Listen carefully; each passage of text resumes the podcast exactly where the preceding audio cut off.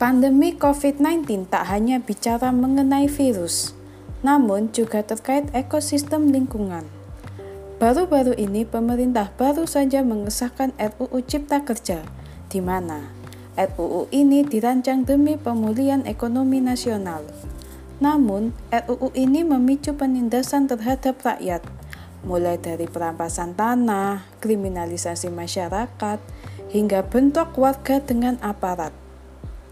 Sadar nggak sih kalau itu semua dampak dari kapitalisme lingkungan? Selamat datang di podcast Bincang Lingkungan, sebuah podcast yang membahas mengenai lingkungan dan seluk-beluknya. Nah, di episode pertama ini kita akan membahas tentang kapitalisme lingkungan.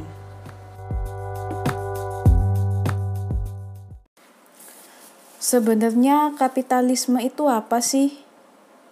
Kapitalisme merupakan sistem ekonomi yang memberikan kebebasan penuh bagi tiap orang untuk mengendalikan kegiatan ekonomi seperti perdagangan, industri, dan alat-alat produksi dengan tujuan untuk mendapatkan keuntungan. Terus, apa hubungannya sama lingkungan? Sistem ini selalu menginginkan pertumbuhan ekonomi, di mana hal ini dapat mengatasi pengangguran. Nyatanya, sistem ini banyak menimbulkan kerusakan lingkungan, di mana tuntutan akumulasi kapital harus dibarengi tuntutan kebutuhan bahan pangan yang semakin tinggi, serta bertujuan untuk menciptakan laba. Akibatnya, eksploitasi manusia dan lingkungan yang masif. Saat RUU ini disahkan, banyak spesies langkah punah dan bencana ekologis bermunculan, salah satunya hutan. Hutan merupakan sumber kehidupan bagi masyarakat adat, mulai pangan hingga obat-obatan. Masyarakat adat sudah menjadi kesatuan dalam ekosistem hutan. Jika salah satu komponen hilang, maka yang terjadi adalah ketidakseimbangan dalam ekosistem hutan. Namun, Fakta yang terjadi, hutan primer dan hutan sagu di Papua banyak dialihfungsikan menjadi suatu perkebunan kelapa sawit berskala besar. Sehingga Indonesia yang dikenal sebagai negara dengan hutan hujan tropis terbesar ketiga di dunia hanya jadi angan belaka yang disebabkan oleh aturan RUU Cipta Kerja di pasal 37 ayat 3 yang dihapuskan di mana pasal ini berbunyi luas minimal 30% kawasan hutan yang harus dipertahankan untuk tiap daerah aliran sungai dan tiap-tiap pulau.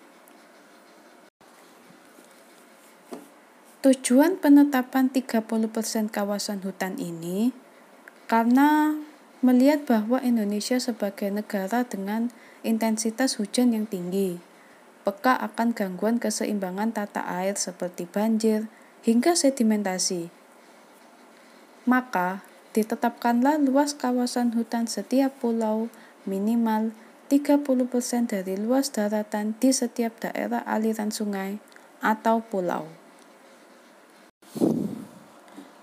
Penghapusan izin lingkungan hingga peringanan AMDAL yang memanjakan korporasi dan investor menjadikan prioritas kejar tayang di tengah pandemi COVID-19 ini. Jika pemerintah tidak serius berbicara mengenai mitigasi dan adaptasi perubahan iklim, hal ini akan memberi ruang eksploitasi besar-besaran terhadap sumber daya alam tanpa adanya perlindungan bagi lingkungan sama sekali, baik dari segi hukum maupun regulasi. Padahal, selama ini praktik bisnis di Indonesia kerap mempertimbangkan perubahan iklim dan sosial ekonomi di masyarakat. Tak hanya itu, anomali iklim juga memunculkan cuaca ekstrem yang menjadi faktor meningkatnya bencana alam di Indonesia, mulai dari curah hujan tinggi, kebakaran hutan dan lahan, banjir, serta musim kering berkepanjangan. Salah satunya kondisi es bumi yang semakin mengkhawatirkan. karena seiring menghangatnya suhu di kawasan Arktik.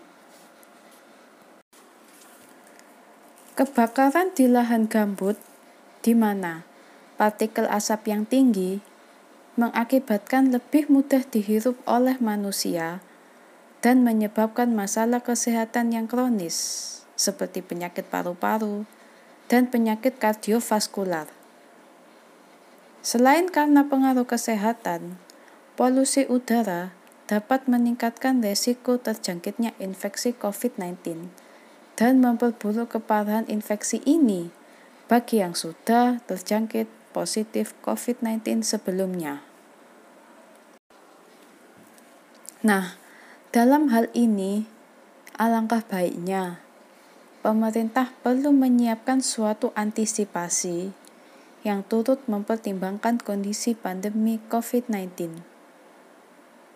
Tak hanya soal upaya mitigasi atas ancaman banjir, dan longsor yang semakin diperbudak krisis iklim, tapi juga penerapan protokol kesehatan yang mencegah penyebaran virus melalui pengungsian.